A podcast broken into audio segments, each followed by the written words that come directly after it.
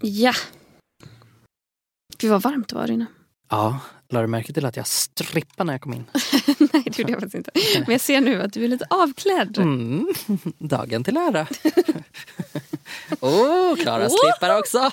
Nu kör vi! Så bra content. Det är också jättebra content att vi inte säger vad vi har på oss. Då blir det fritt för lyssnarens fantasier. Kan det vara en liten röd sidenklänning vi har på oss? Möjligtvis en neg negligé. En negligé. Uttalas det så? Eh, ja, Negligé höll jag på att säga först. En Men så tror jag inte att det uttalas. det lät väldigt äckligt. Negli. Det är ett äckligt ord, Bach. Mm, det var inte nice.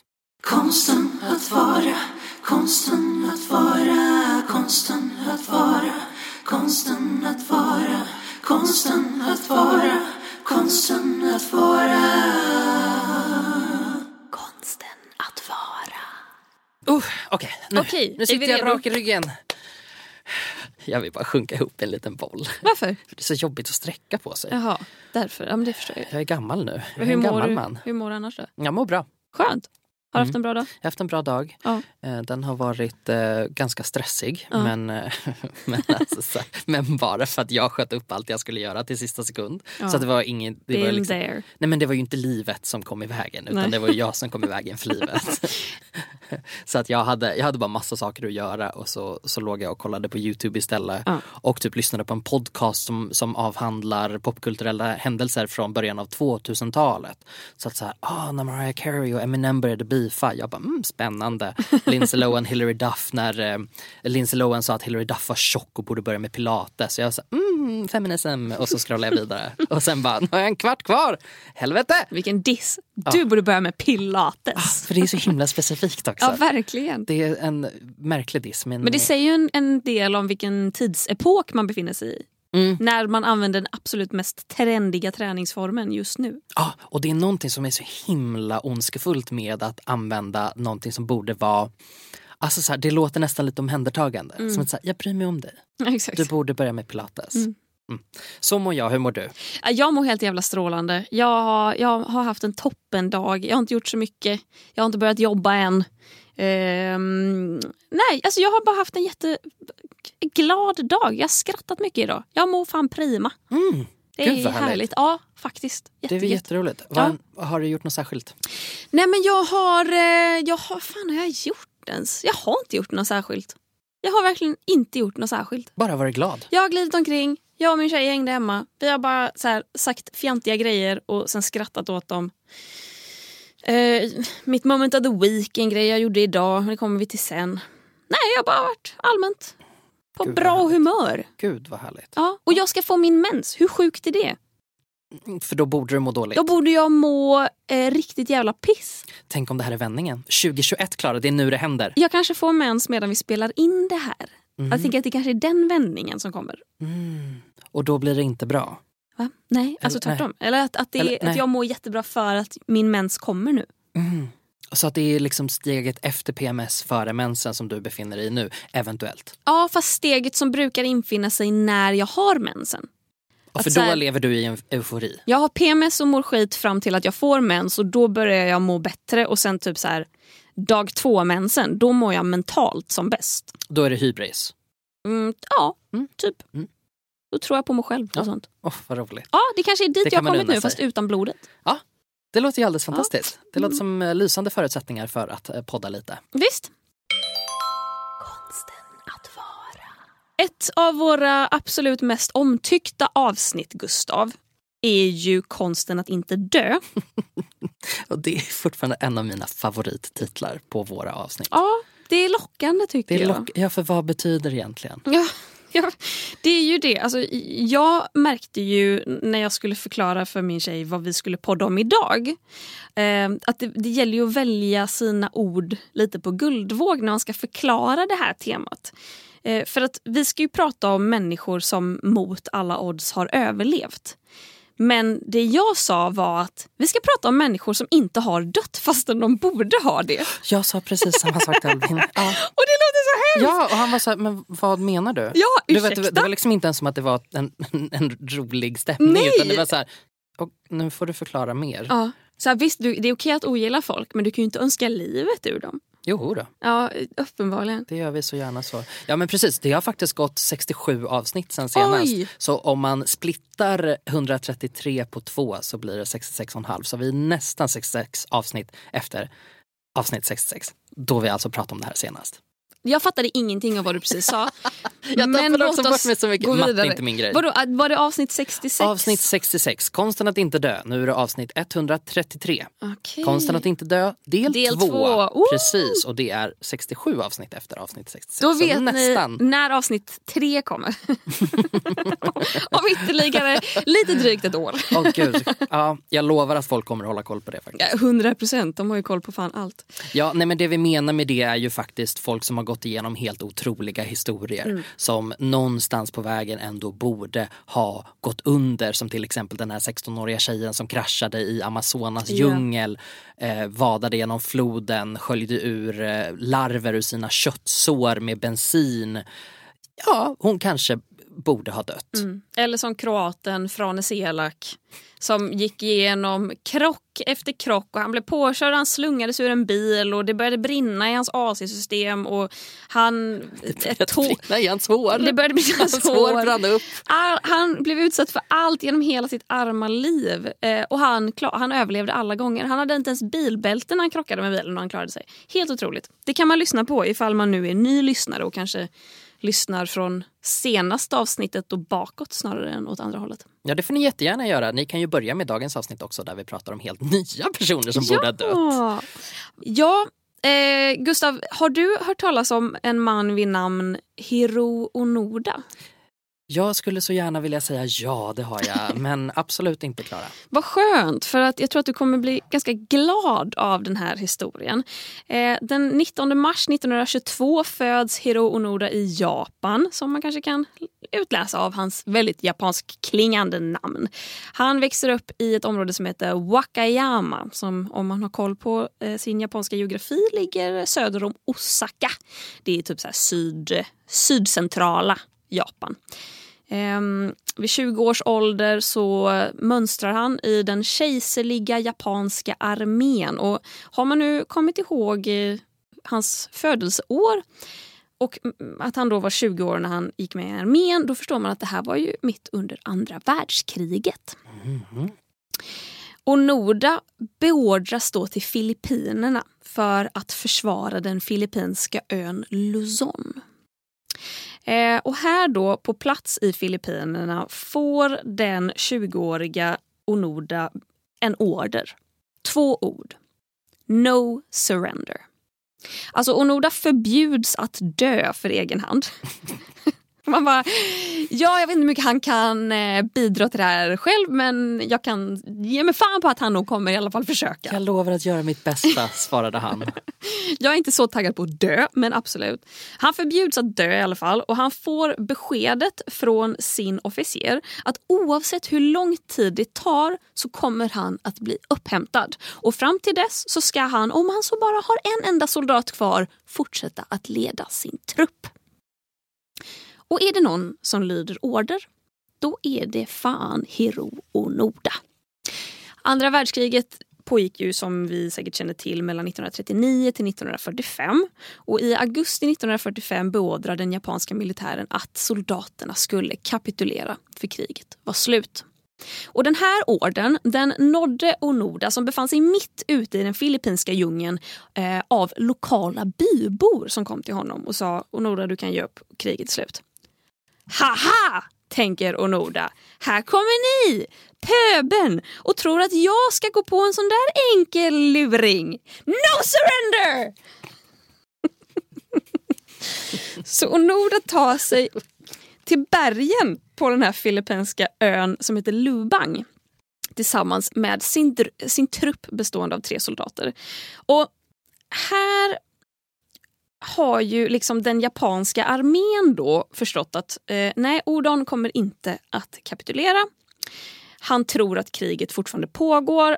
Vi kommer att behöva skicka någonting som är lite mer trovärdigt än lokala bybor. Så de skickar honom ett brev där de berättar att kriget är på riktigt över. De ber honom att återvända. Ha! Tänker Onoda. Nej, nej, nej, nej, nej. De där breven kan ju vem som helst ha skrivit. Och dum, det är jag ju inte. No surrender! och åren går och Noda han lever på rötter, kokos, annat man kan få tag på uppe i den filippinska bergsdjungeln, vad fan vet jag. Och breven fortsätter komma från den japanska militären som bönfaller honom att komma hem. Haha! Fortsätter Onoda att tänka. No surrender! Men några som surrendrar, det är ju hans trupp. Han har tre stycken man med sig ut i djungeln och fyra år Obs, alltså fyra år efter krigsslutet. efter återkommande brev som uppmanar honom att det, det är dags att ge upp Lägg av! Så är det en av hans tre soldater som faktiskt droppar av och tar sig ut i djungeln på, egen, eh, på eget bevåg. En, den andra av de tre dödas faktiskt av filippinsk polis 1954 och då är det Onoda och den sista soldaten kvar som lever, alltså wildlife, kurragömma, uppe i skogen. 1959 genomförs det en expedition till Lubang för att försöka hämta hem Onoda. Eh, där hans bror följer med förmodligen då för att lägga lite tyngd i den här expeditionen så att Onoda verkligen ska fatta att det är dags att komma hem. Men Onoda hade då vid det här laget alltså 14 år efter krigets slut, blivit en sån mästare på krigskurragömma att han inte kunde hittas. 1947, alltså 27 år efter krigsslutet, gjordes ytterligare en expedition där hans egen pappa medverkade, men med samma misslyckade resultat. Ha! Tänkte förmodligen Onoda bakom någon ananasbuske. No surrender! Samma år, 1972, så dog hans tredje och sista soldatpolare. Och här kan jag tänka mig att det nog blev lite trist för Onoda. Så han håller ut i ja, ändå två år till. Och 1974, alltså nästan 30 år efter att han för första gången klev in i den filippinska djungeln så kliver han tillbaka ut ur den iklädd en egen tillverkad soldatuniform gjord på kokosfibrer eftersom hans ordinarie ruttnade bort någonstans där på 60-talet förmodligen. Och han märker att kriget faktiskt är slut. Men det här, när han återvänder till Japan, det är ett land han inte riktigt känner igen. Det är ändå 30 år sedan han lämnade det. Så han flyttar till Brasilien och lever där i några år. Sen kommer han faktiskt tillbaka till Japan och håller i överlevnadskurser. Han har även skrivit boken Mitt 30-åriga krig. Som finns att läsa om man är nyfiken på Mr. Hero Onoda. Ja, och det här är ju en, eh, en story som gjorde åtminstone mig väldigt, väldigt glad. Ja, alltså det första jag tänker på är, är bara hur många psykologtimmar måste man gå igenom när man inser att det är 30 år av mitt liv för att jag vägrade lyssna på brev. Verkligen. Men han följde ju sin order, det är det som är så sjukt. De sa ju att så här, vi kommer komma och hämta dig. Hade Oavsett- du följt den orden? Nej, absolut inte. Nej, Jag- nej, och grejen är att så här, jag hade ju skrivit ett eget brev som var så här, hörni you guys, kriget är slut, vi kan gå hem nu medan bomberna faller. För att jag hade inte velat vara där. Nej, och jag tänker så här, jag levde på en öde ö i någon form av fake eh, svält i sju veckor. Och eh, bara en sån grej, då var man ju ganska tacksam när man fick komma hem. När man hade så här, vi vann ris var fjärde dag i någon jävla pristävling. här har vi en man Kassava. som... Så, ja gud, man går ut i djungeln och bara, nej men ett kassavaträd! Och så har produktionen planterat ut det för att man har svullit tillräckligt. Alltså Onoda är ute i en jävla djungel. Hans tre enda polare dör. Och han bara, jag ska vara kvar, no surrender. Det är, he- det är så, det är så, vad heter det? Det är så dedikerat och det är så, vad fan heter det? Jag har glömt vad det heter, skitsamma. Eh, Inspirerande, glädjeskänkande. Man tar order. Man, Nej, men att man- nej, man- nu blir det med andra ord här. Nej men när man säger att man sitter och jobbar, man har självdisciplin. Det är så disciplinerat. Ja, disciplinerat det är är det. dedikerat Ja, och det är därför vi- disciplinerat. Det var därför vi inte kom på ordet. Vadå? Eh, Disciplinerat. För att vi har är- inte det i vår vokabulär. det- Nej, det är absolut inte. inte. Det är inte så vi jobbar. Eh, exakt. Ja, nej, jag, är- jag är ett fan. Och han borde ju fan ha dött alltså. Det är jag är också ganska imponerad av denne denne man. Ja. Jag tror att förra avsnittet också när vi pratade om det här, då tog du också upp en japansk man som Ja, exempel. Visst? Exakt, Ja, ja, Japaner är missminner mig. tydligen proffs på att överleva. Ja, absolut. Mm.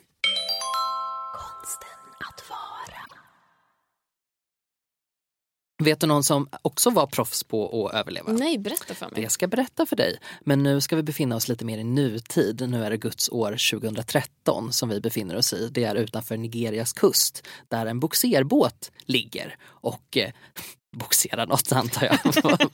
Vad nu en sån gör. På den här båten så finns det en 26 år gammal kock som heter Jackson. Jackson Okene. Vad sa du, Jack- Jackson och Kene? Eller är Jackson. det en person? Jackson Okene Okej. heter han. Mm. Det här är historien om vad som skulle hända honom bara dagar innan han skulle gifta sig med sin fästmö. På morgonen i alla fall så vaknar Jackson upp på boxerbåten Jackson 4. Eh, och han går upp ur sängen och går in på toaletten. Helt plötsligt så slås båten av en stor våg. Båten kapsejsar. Vet du vad kapsejsa är, Klara? Ja, den lägger sig på sidan. Ja, den Eller välter. Den, den välter. Den välter. Nej, den lägger sig upp och ner ja, då, den snurrar runt. Ja. Japp, så den, Det går åt helvete. det går käpprätt åt helvete för stackars Jackson. Åh nej. Båten sjunker. Oj då. Den lägger sig 30 meter ner under ytan. Med honom inne på toa. Med honom inne på toa. Åh gud, det här låter som en riktigt, riktigt, riktigt dålig bajsporrfilm. Bajsporr. Alltså som bajsporr. Ja, Alltså, jag, jag har aldrig Jaha, sett bajsporr. på- Men jag kan tänka mig att det är så här det börjar. Jag märker det.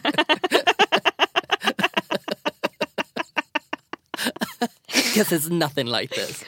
Two girls one cup. Exakt. Surprise, det är dit den Nej, här men alltså, historien så är på väg. toaletten vänder sig om, han runkar inne på toan och, Medan eh, båten medan båten sjunker. Han kan inte gå någon annanstans. Oh I better jerk off. Och så, så, och så har han en fotograf och så lägger han Så upp det på Pornhub. typiskt snubbar. Visst? Men eh, Jackson lyckas faktiskt ta sig ut från toaletten. Nej. Åh nej. ja, det här är alltså folk som borde dö. Det är ju det vi hoppas på hela tiden. vi bara väntar på att de ska dö här. Mm. Och där ute i båten så är det helt mörkt. Eh, Men han ser tre män ur besättningen framför honom. Eh, Så han följer efter dem. Då går en vägg sönder och de tre männen sprutas bort av vattnet. Okej, så det är alltså ett luftrum inne i Yes. båten? Liksom. Ja. Så. Så Mm. han ser de här tre besättningsmedlemmarna sköljas iväg gud vad av vatten. Mm. Så han sveps med vattnet, han åker genom en trång korridor, hamnar i en annan toalett. Och, där, och där, står det, där står det en fotograf. Där står en sexig brud och väntar. Insmetad i bajs. Nej det är så himla hemskt. Det är, det är så många människor som har dött där. Ja, Okej. Ehm, en annan toalett eh, i anslutning till då officerens sovrum. Eh, och då slår skeppet i havsbottnen. Det här utrymmet lyckas han stanna i i ett helt dygn. Sen vågar han öppna dörren och ta sig ut till det här sovrummet. Han simmar ut i sovrummet och börjar slita loss panelen från väggen så att han ska kunna bygga sig en flotte. Så han kan hålla sig ur det här iskalla vattnet som han ligger i. Usch. Jackson är fast på havets botten, helt ensam, endast iförd kalsonger. Varför har han bara det? Ja, fan, Är han en sån kille klockan- som tar av sig alla kläder för att bajsa? Nej, klockan var ju tio i fem på morgonen. Ja, det var därför. Ja, han hade ju precis gått ur sängen. Ja, jag fattar. Någonstans lyckades han hitta en ficklampa, lite Coca-Cola, ett gäng verktyg och så tar han sig till en säker plats i skeppet säger min research. Och då undrar jag vilken plats i skeppet är säker Ja. På 30 meters djup. Men ja, han lyckas i alla fall stapla lite madrasser på golvet, hålla sig torr.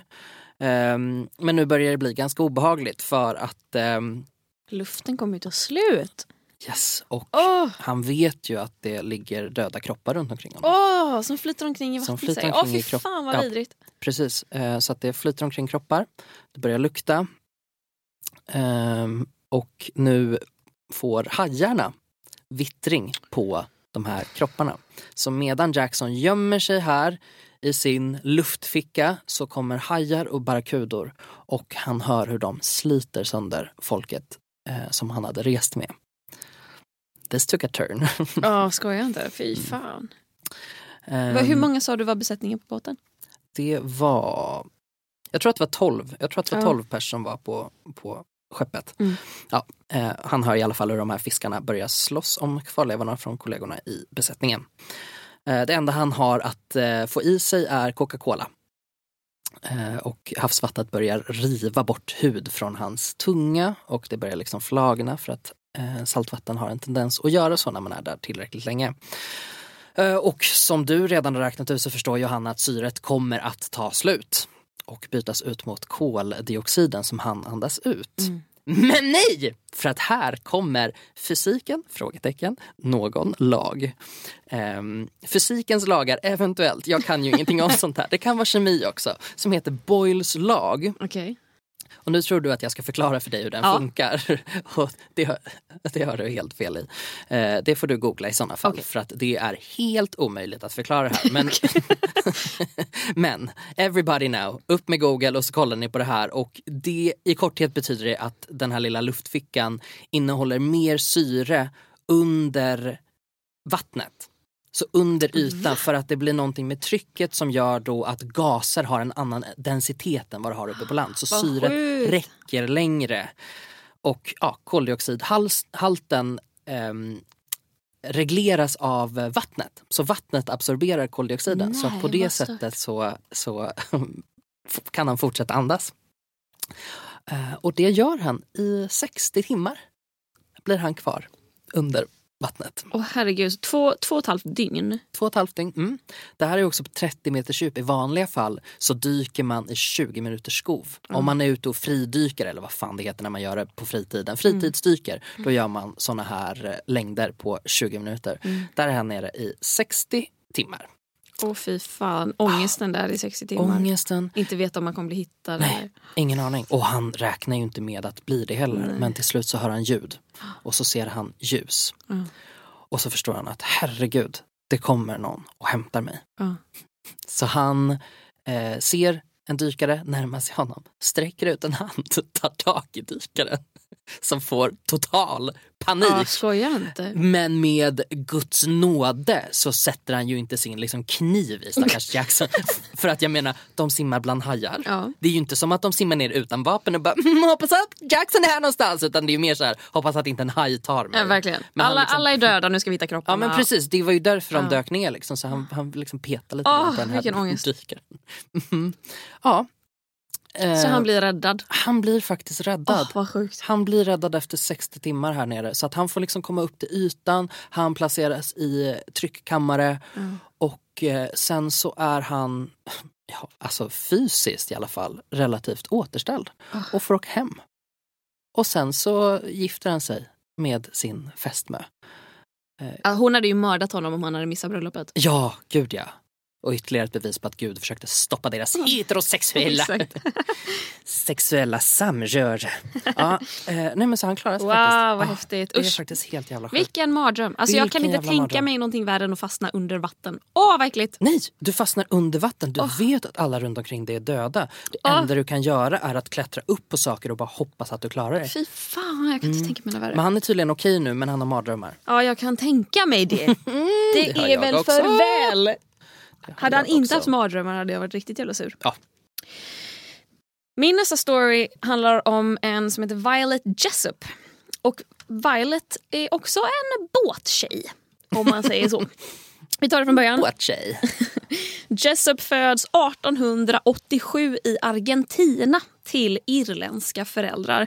Hon är äldst av nio barn, varav tre dör. Och redan där märker man ju att Violet har känsla för det här med just överlevnad. Som barn så får hon tuberkulos och hennes läkare förutspår en dödlig utgång. Men Violet överlever mot alla odds. Så hon har ganska bra eh, erfarenheter i bagaget kan man ju säga. Som 24-åring börjar Violet jobba som värdinna ombord på lyxfärjan RMS Olympic. Men inte så långt efter att Violet har fått anställning ombord på den här båten Jag börjar förstå vad det rör sig om. Jag tror att jag förstår vad det rör sig om. Fortsätt, fortsätt, fortsätt. Nu är jag så exalterad. så händer det som inte får hända. Olympic kolliderar med ett brittiskt krigsfartyg. Och de här krigsfartygen de är liksom skapta på ett sånt sätt att nu kan jag inte ett ord om bil, nej vad säger jag, båtdelar. jag kan ingenting om fordon överhuvudtaget. Men fören liksom på de här krigsbåtarna de är skapta på ett sånt sätt att de ska kunna frontalkrocka med andra eh, båtar. Eller de ska kunna köra med fören in i andra båtar. Och eftersom det är ett krigsfordon så ska de typ punktera de här jävla Klyva, båtarna. liksom. Exakt. Det här är vad som händer. Det här krigsfartyget råkar köra rätt in i RMS Olympic. Två enorma hål bildas och fartyget tar in vatten. På något helt otroligt sätt som få människor förstår så lyckas dock Olympic att vända och ta sig tillbaka till hamnen den har gett sig av ifrån utan att sjunka och med alla passagerare vid liv. Det här är ju helt otroligt och eh, hade det varit jag som jobbade som värdinna ombord på den här båten så hade jag nog varit lite skraj. Jag hade nog funderat över mina liksom, eh, karriärsbeslut. Men eh, inte Violet Jessop. Hon är helt eh, onervig. Hon tar sig glatt anställning vart helst hon kan få en. Så året därpå, 1912, kliver hon på nytt in i värdinnerollen ombord på, jajamän, RMS Titanic. Jag visste det. Jag visste det. Som för övrigt var ett systerskepp till RMS Olympic. Och Vi alla vet ju vad som hände med Titanic. Det är en god båt, den tuffar över Atlanten. Jack och Rose kornullar i en bil någonstans. Fyra dagar in i färden kolliderar Titanic med ett isberg och sjunker på bara knappt tre timmar. Och Det är ju total kalabalik ombord. Så många människor eh, springer omkring och vet inte vad de ska göra. Det finns inte livbåtar till alla. Folk drunknar på lägre däcken. Eh, Violet blir beordrad upp på däcken för att instruera hur man ska ta sig i livbåtarna och blir till slut själv beordrad att kliva in i en av livbåtarna, vilket hon gör hamnar i vattnet, är i vattnet hela natten och morgonen därpå räddas hon och resten av överlevarna av en annan båt som har gett sig ut för att då rädda de som räddas kan. Här tänker jag att vem som helst som jobbade ombord på den här båten hade behövt KBT för resten av sitt liv. Men inte Violet Jessup, uppenbarligen. Hon skakar av sig den bäst ihågkomna båttragedin i modern tid och hoppar ombord på nästa fartyg. HMHS Britannic. Som också är ett sys- systerskepp till Och både här- Olympic Här och någonstans Titanic. borde ju lilla fröken fundera. Ja, man tycker det. Va?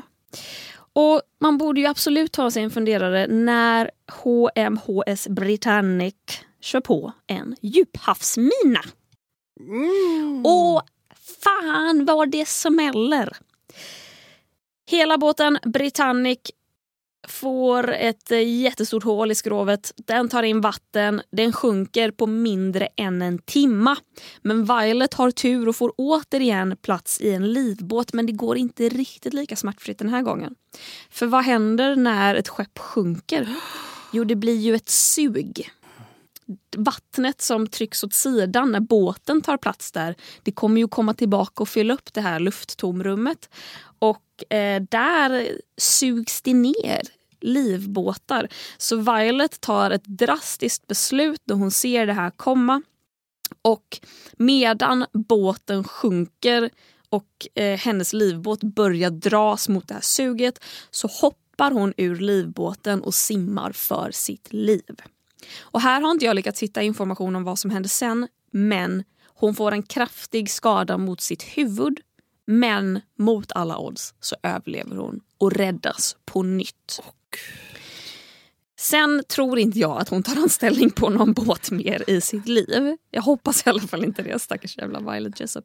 Eh, hon har blivit kallad för Miss Unsinkable och hon dog vid den lyckliga åldern av 83 av hjärtsvikt 1971.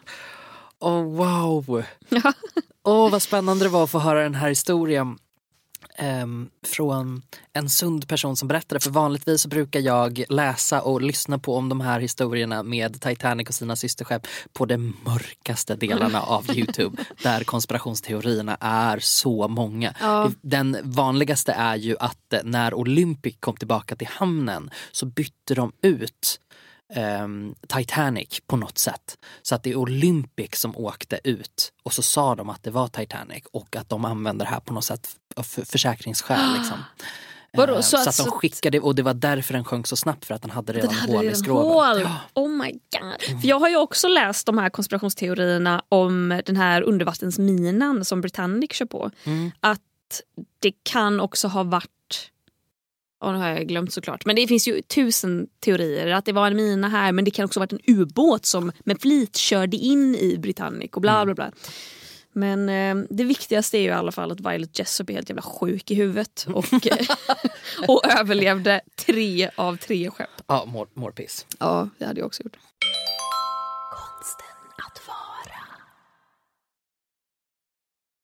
Jag har eh, två snabba Ja. historier. Intressant. Den första handlar om Matt Suter Aha. som eh, 2006 hängde lite grann hemma hos sin mormor i hennes husvagn där hon då bodde.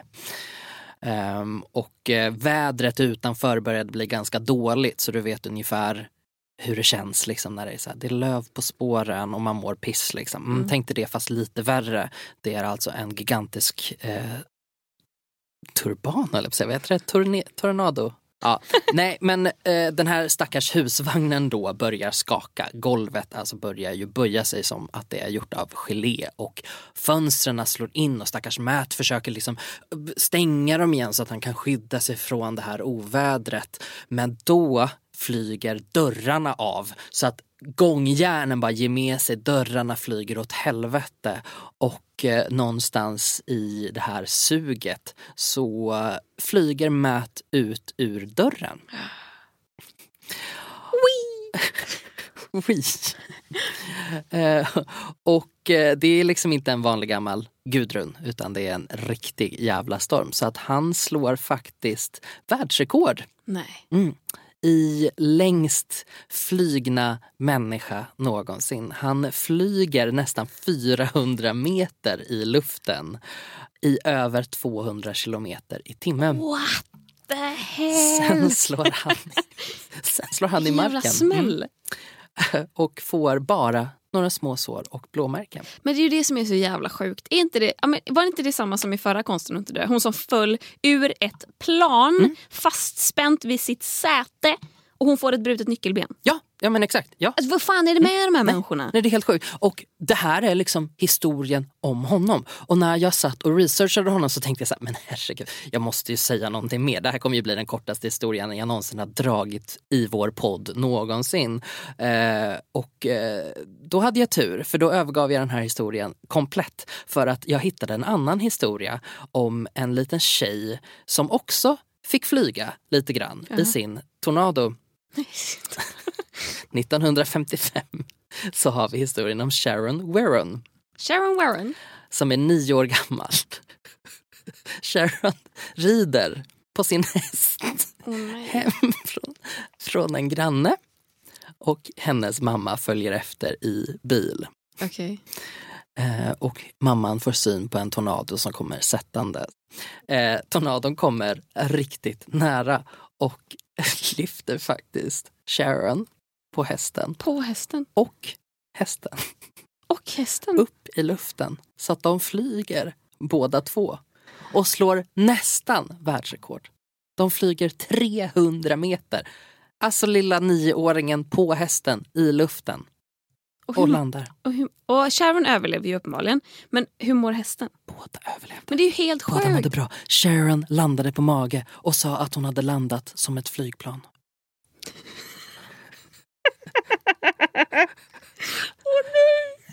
Ja, och det gjorde hon väl? Ja. Alltså jag menar vanligtvis landar flygplan på asfalt. Men, Men- ja, ja. Men kan Okej du Sharon. förstå? Alltså jag hade ju varit ganska, om jag hade lyfts upp av en eh, naturkatastrof och burits iväg och varit övertygad om att jag kommer dö och sen överlevt och inte slagit världsrekordet i den här typen av aktivitet då hade jag varit riktigt jävla sur. måste Jag säga. Ja, hennes mamma måste ju ha hatat det här. Jag flög ju inte Skäms. genom luften i 300 drygt meter för att På inte vara en häst! för att, inte, för att inte vara bäst i världen på det. Hästen är ju den bästa hästen i världen på det. Uppenbarligen. Eller i Ja, historien. jag har aldrig lyckats med min häst. Nej, jag har inte ens I really häst. tried. Nej men så hon överlevde och fick bara lite, hon fick blåmärken på händerna. Det Av haglet. För hon höll ju i, liksom, i styret. Vad fan men det är ju helt sanslöst! Mm. Hur kan man få blåmärken av ett hagel när man inte får någonting av att landa face first, magplask på marken efter att ha färdats genom luften på en häst i 300 meter? Alltså jag har ingen aning. Jag blir förbannad. Du blir lite avundsjuk. Absolut. Ja, jag vill så gärna att den här historien ska röra mig. Mm. För när jag var liten så brukade vi flyga drakar ute på åkrarna och så skrek vi typ om det åkte förbi en helikopter så skrev vi så här Ta med oss, ta med oss! Skitjobbiga unga liksom och hoppades alltid att draken skulle fångas av vinden och man skulle liksom flyga iväg. Åh gud. Men ja, ja Sharon, good for you. Vad är ditt moment of the week, Gustav? Ja, alltså mitt moment of the week är ju att jag och min vän Beata gav oss ut för att vinterbada. Ehm, vi eh, gjorde en ganska stor grej av det här. Alltså du vet att så, här, så fort någon typ skrev på Messenger så var jag så här, jag ska ut och vinterbada. Typ, och de bara, jag har inte frågat. Man gillar ju att skryta om det. Ja. Man, man vill ju gärna låta alla veta. Otroligt trendigt Ja. vintern 2020-2021 liksom. Så jag och Beata packade våra grejer, tog bilen och åkte ut till en sjö utanför Stockholm. Eh, och, eh, och drog oss ur. Nej. jo, vi kom fram och så var båda så här, nej, nej, nej men du, vi har ju ändå åkt hit. Det är väl bra nog. Ja, det här, ja, det här räcker. Ja, det här blir så bra så. Ja, vi, har, vi, vi tar en promenad istället. Ja, men paus. Kom ni utanför bilen och kände det här? Ja. Eller hur långt kom ni? Vi, vi, kom, vi kom utanför bilen och så var det så här, det är okej om du inte vill. Alltså så här, ja men vi går ändå dit och kollar liksom och så båda låtsades väl på varsitt håll liksom. och sen kom vi fram till vattnet och jag var så här, det här kommer inte hända Beata. Det här är så kul men nej jag kommer absolut inte. Hon bara, jo men äh, jag ska ändå känna på vattnet. Ja, nej. Helt fel strategi. Ja det var, det var dumt faktiskt. Så Hon Ja. kände på vattnet och så sa hon, det kommer aldrig hända hela mitt liv. Nej. Och så tog ni en promenad Och istället. så tog vi en promenad istället. Åh. Ja, så att vi fegade ur ett vinterbad helt enkelt. Vad, vad, hur känns det nu när du har berättat för alla att du ska göra det? Jag skäms. Kommer du berätta för dem att det inte blev av? Eller kommer du bara sopa det under mattan och Jag fortsätta med ditt tänker liv? att om inte de nämner det så kommer inte jag nämna det. Nej, men jättebra taktik. Mm. Det brukar vara min taktik i det Mm. mesta. Det är annars ganska, det är annars ganska bra. Ja, det är annars ganska bra att berätta för andra för då är det ju svårare att dra sig ur. Det var precis det jag också tänkte. Ja. Men sen stod jag ju där och bara nej, nej, nej, nej, nej, nej absolut inte. Nej. Mm. Nej, det var alldeles för kallt. Jag fattar. Ja, vad jobbigt. Men det, ni kommer igen. Ja, det kommer vi göra. Mm. Någon gång. Mitt moment of the week eh, är att eh, jag har eh, vinterbadat. Själv, vad fan. Det var, eh, precis nu i slutet av min historia så tänkte jag då säga eh, man måste ju vara dum i huvudet om man badar i det här Mm. vädret. Jag förstår. Så att det var Eh. bra att jag sa det nu istället då. Exakt. Eh, Jag, jag känner eh, antydan. Det var, väl, det var subtilt av mig Ja. men vad skönt att, att brisen nådde, Det nådde fram. fram. Absolut. Okej. Ja, så du har vinterbadat på ja, riktigt? Ja, men jag har det. Och jag, gjorde, jag tyckte jag kände mig så jävla bara street smart när jag gjorde det. För att jag tog på mig baddräkten, mjukisbyxor, morgonrock. Alltså frottémorgonrock. Bästa tipset. Och sen jacka över morgonrocken. Traskade ner till vattnet. Eh, av med allt. Och det, man får inte tveka. Det är ju bara raka vägen fram, fullt fokus. Och så bara av med allt och sen är det i. Ingen tvekan, ingen jävla känna på vattnet. Har man stoppat i en fot och tänker fy fan i jävla helvete, då är det i med nästa fot. Och sen går man ner. När jag hade vatten upp till naveln, då skrek min kropp inte mer. In, du ska väl inte gå mer. Och då är det bara att Ja, jag vet inte. Då är det väl bara att säga emot och så fortsätter man hela vägen ner. Och men du här- hoppade inte ens i? Nej, nej, Du nej. gick i? Ja, ja, jag gick i. För jag vill inte blöta håret för då blir man så jävla kall efteråt. Ah. Och då känner man då måste man nästan ha tillgång till typ bastu eller nära, väldigt nära till att komma in. Och det hade inte jag. Utan då Det blev inte blöta håret.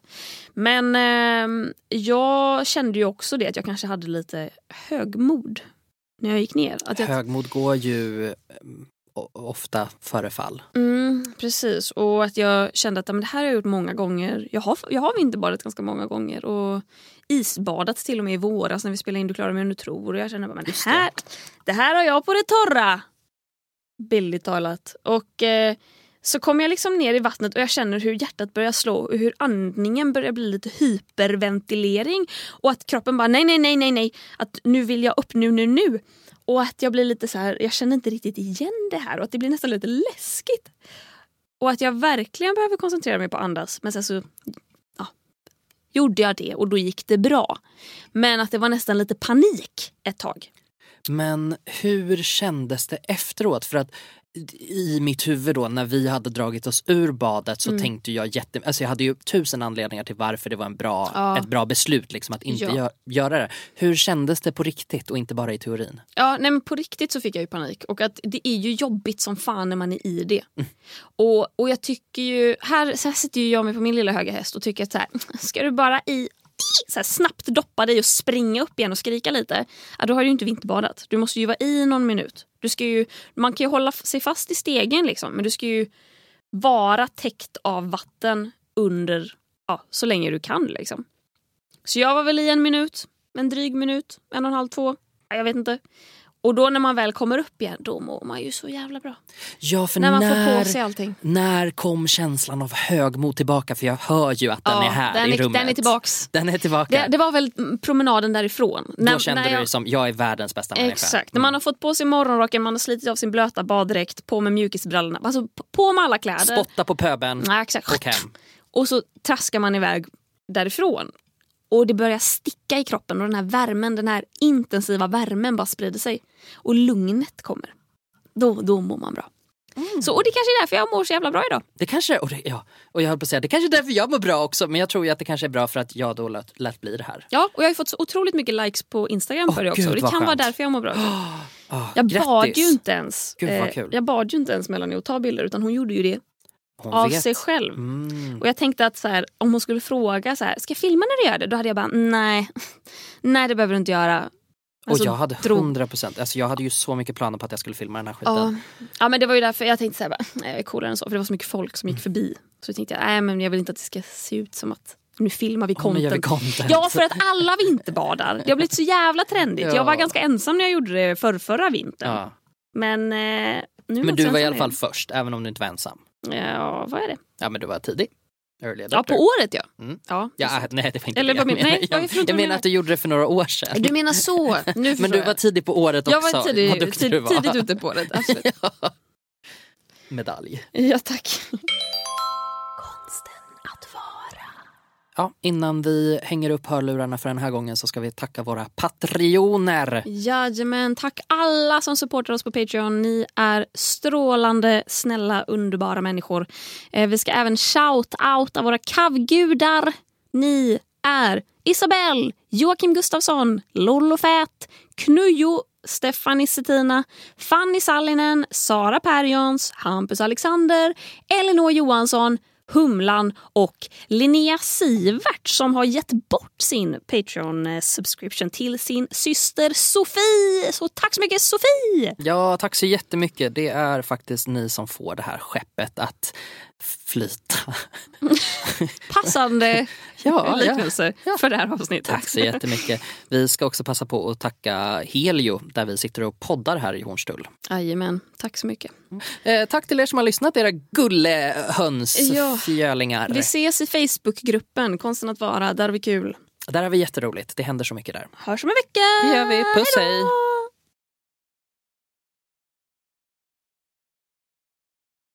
Hejdå!